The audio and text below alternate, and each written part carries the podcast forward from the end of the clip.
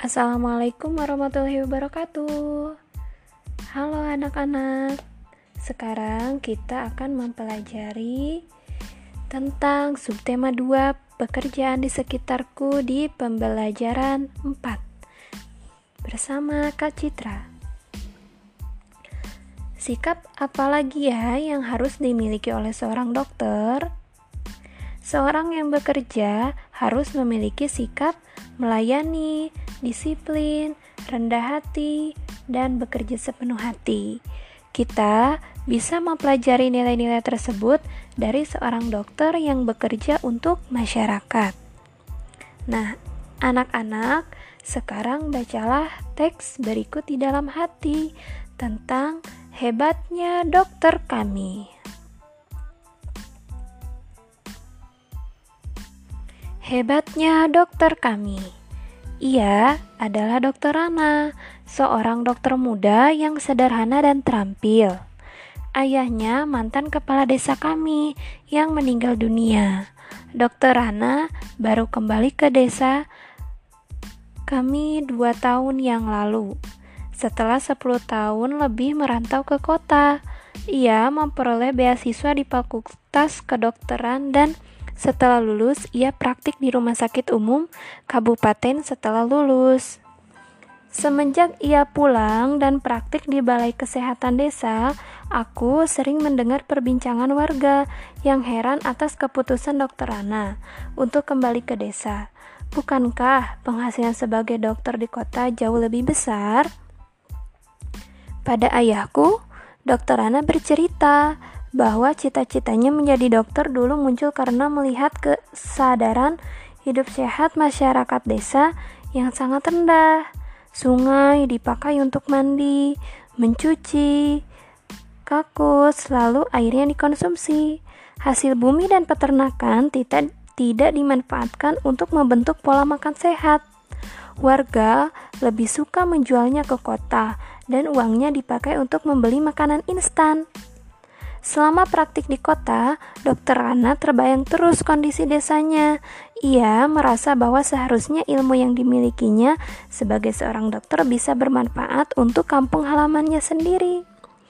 Jadi, Pak Andri, saya ini pulang untuk memenuhi niat saya ketika menerima beasiswa, yaitu menyejahterakan warga desa saya lahir dan dibesarkan ujar dokter Ana pada ayahku. Sejak pulang, dokter Ana memang aktif membina para remaja dan keluarga muda. Ia memberikan penyuluhan tentang pentingnya mencuci tangan, memasak air, pola makan sehat, dan imunisasi. Baginya, generasi muda adalah perantara terbaik untuk menyampaikan misi meningkatkan kesadaran hidup sehat masyarakat desa. Sebagai anak kepala desa, Dokter Ana sering mendengar cerita almarhum ayahnya bahwa banyak warga takut berobat karena tidak mampu membayar. Tak ingin hal itu terjadi, maka diumumkannya bahwa warga dapat membayar jasanya dengan sampah. Ya, sampah. Sampah kering jenis apa saja yang bisa didaur ulang? Botol plastik, botol kaca, koran bekas, bahkan kemasan bekas diterima oleh dokter Rana. Cara ini membuat warga aktif dan bijak mengelola sampah. Sungguh kreatif dan cerdas cara Pak Dokter mendidik warga. Hmm, seperti mendiang ayahnya, Dokter Rana menjadi sosok yang dicintai warga desa. Ia menjadi teladan melalui dedikasi, tanggung jawab, dan kerendah hatiannya dalam menolong warganya. Apabila aku besar nanti, aku ingin seperti dokter Rana. Aku kejar cita-citaku menjadi guru dan aku akan kembali untuk membangun kampung halamanku. Nah, anak-anak, setelah kita membaca mengenai cerita tentang hebatnya dokter kami, sekarang kalian jawablah pertanyaan berikut ini. Apa yang dilakukan Dokter Ana untuk warga desa. Kemudian, mengapa Dokter Ana melakukan itu? Lalu, apa dampak dari hal yang dilakukan oleh dokter Ana bagi masyarakat? Kemudian, bagaimana perasaan masyarakat terhadap dokter Ana? Tuliskan pada tabel berikut sikap dari dokter Ana dan pendapat kalian tentang sikap dokter Ana. Lalu, hal-hal baik yang bisa aku contoh dari dokter Ana. Nah, anak-anak, dari dokter Ana kita belajar bahwa ketika kita bekerja haruslah bermanfaat bagi orang lain. Menjadi seorang dokter juga harus rendah hati dan menghargai orang lain. Setelah selesai, kita sekarang berdiskusi. Nah, anak-anak, masih ingatkah kamu dengan cerita Dayu yang diejek oleh Dadu? Apa yang dapat kamu lakukan supaya hal itu terjadi? Nah, isi ya anak-anak di kolom isian tersebut. Buatlah kesepakatan kelas dengan teman-teman supaya antar teman tidak saling menyakiti. Dan tulislah ide-idemu di kolom isian berikut. Diskusikan kesepakatan kelas kalian ya. Kesepakatan kelas itu dilakukan, maka setiap warga kelas akan merasa nyaman. Mereka merasa dihargai. Ketika kamu menghargai semua orang, maka kamu sudah mengaplikasikan sila kedua Pancasila. Tidak hanya dokter Rana yang mempunyai sikap baik, Paman Udin juga mempunyai sikap yang perlu kita contoh. Nah, setelah selesai, anak-anak sekarang kita berlatih. Paman Udin adalah petani yang rajin. Ketekunannya membuat hasil panen melimpah. Ia sekarang mempunyai sawah yang cukup luas. Berikut adalah gambar petak sawahnya. Nah, perhatikan ya anak-anak gambarnya. Apakah kamu tahu bagaimana menghitung luas dan keliling sawah tersebut? Ayo berhitung dan berlatih. Kita akan berlatih menghitung luas dan keliling bangunan. Nah, jadi, untuk menghitung keliling dan luas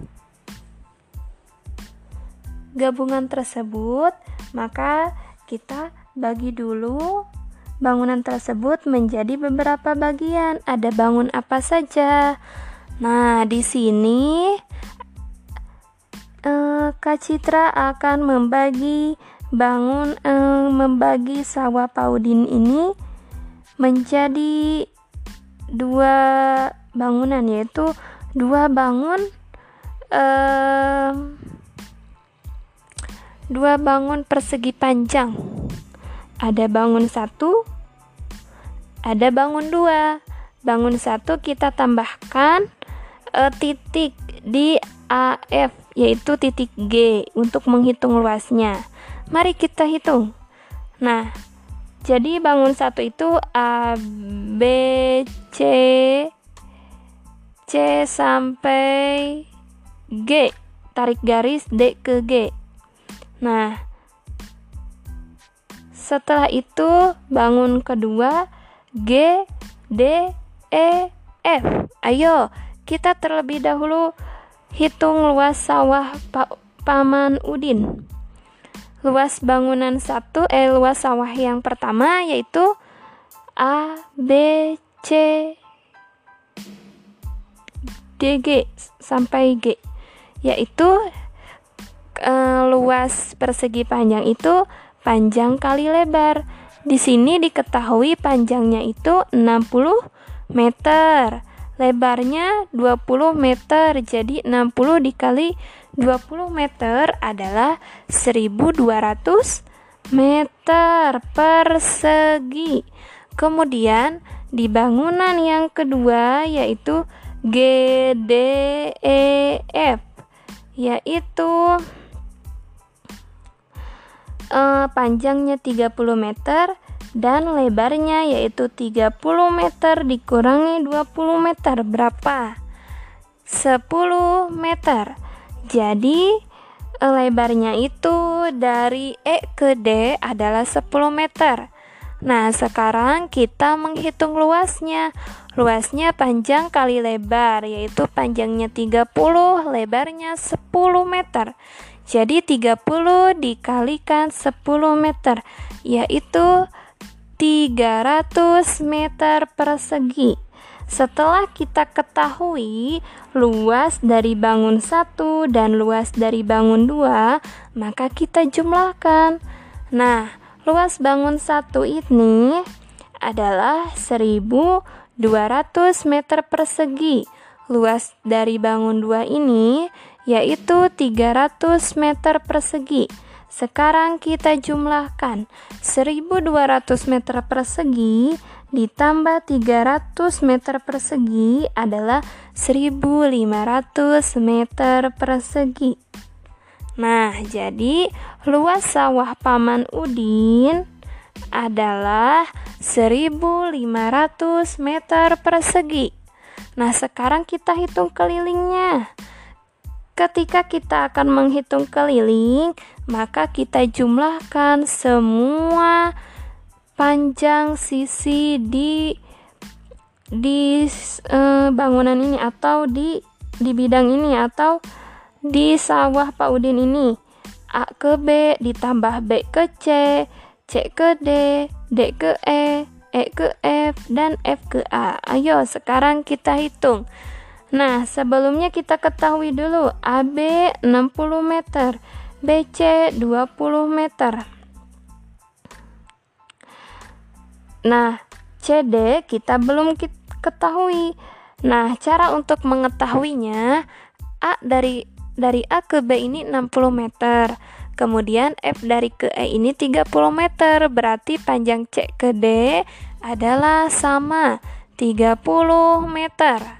Ayo, sekarang kita sudah ketahui panjang CD adalah 30 meter. EF 30 meter dan FA adalah 30 meter. Sekarang kita jumlahkan 60 meter ditambah 20 meter ditambah 30 meter ditambah 30 meter ditambah 30 meter. Jadi jumlah seluruh sisi dari sawah Pak Udin adalah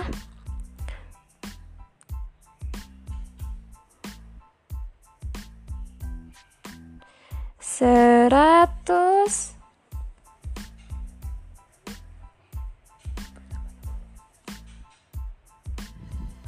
seratus tujuh puluh meter.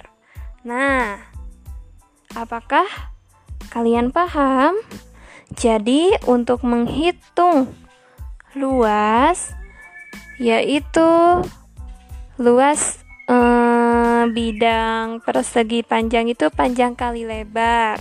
Sementara untuk keliling persegi panjang adalah dua kali panjang ditambah lebar atau dijumlahkan semua sisi pada persegi panjang tersebut. Setelah kalian memahami, sekarang kalian kerjakan soal-soal di halaman 80. Di sini terdapat ada satu, dua, tiga, tiga, ada tiga soal di mana kalian isi di kolom isian tersebut. Nah, lalu apakah luas semua gab bangun gabungan tersebut sama? Apakah keliling semua bangun gabungan tersebut sama? Jadi, luas bangun gabungan dapat dihitung dengan cara menjumlahkan luas bangun bentuknya. Sementara itu, keliling dapat didapat dengan cara menjumlahkan ukuran sisi terluarnya. Kalian sudah belajar tentang cara menghitung luas bangun yang digabungkan? Sekarang coba kalian hitung ya. Hitung sawah Pak Udin. Nah, anak-anak, pada pembelajaran kali pembelajaran 4 kali ini banyak nilai-nilai yang harus kita uh, aplikasikan, harus kita teladani yaitu sikap apa saja. Ketika kita uh, mempelajari tentang dari cerita hebatnya dokter Rana, hebatnya dokter kami, maka kita ketika bekerja dan dalam hal apa pun, kita harus memiliki sikap melayani, disiplin, rendah hati, dan bekerja dengan sepenuh hati. Kita bisa mempelajari nilai-nilai tersebut dari seorang dokter anak yang telah kita pelajari itu, yang bekerja untuk masyarakat. Kemudian, anak-anak, kita harus mengaplikasikan mengenai kesepakatan bersama, baik itu kesepakatan di kelas, di keluarga, di lingkungan masyarakat, di mana pun kalian berada, kalian harus menghargai. Menghargai pendapat orang lain karena ketika kesepakatan dilakukan, maka setiap orang, setiap warga kelas, setiap orang di lingkungan masyarakat, setiap orang di keluarga akan merasa nyaman. Mereka merasa dihargai. Ketika kamu menghargai semua orang, maka kamu sudah mengaplikasikan sila kedua Pancasila. Tidak hanya dokter Rana, Dok, Paman Udin juga mempunyai sikap yang perlu kita contoh. Demikian anak-anak di pembelajaran empat kali ini. Semoga bermanfaat, terus belajar, jangan patah semangat, Indonesia membutuhkan kalian. Wassalamualaikum warahmatullahi wabarakatuh.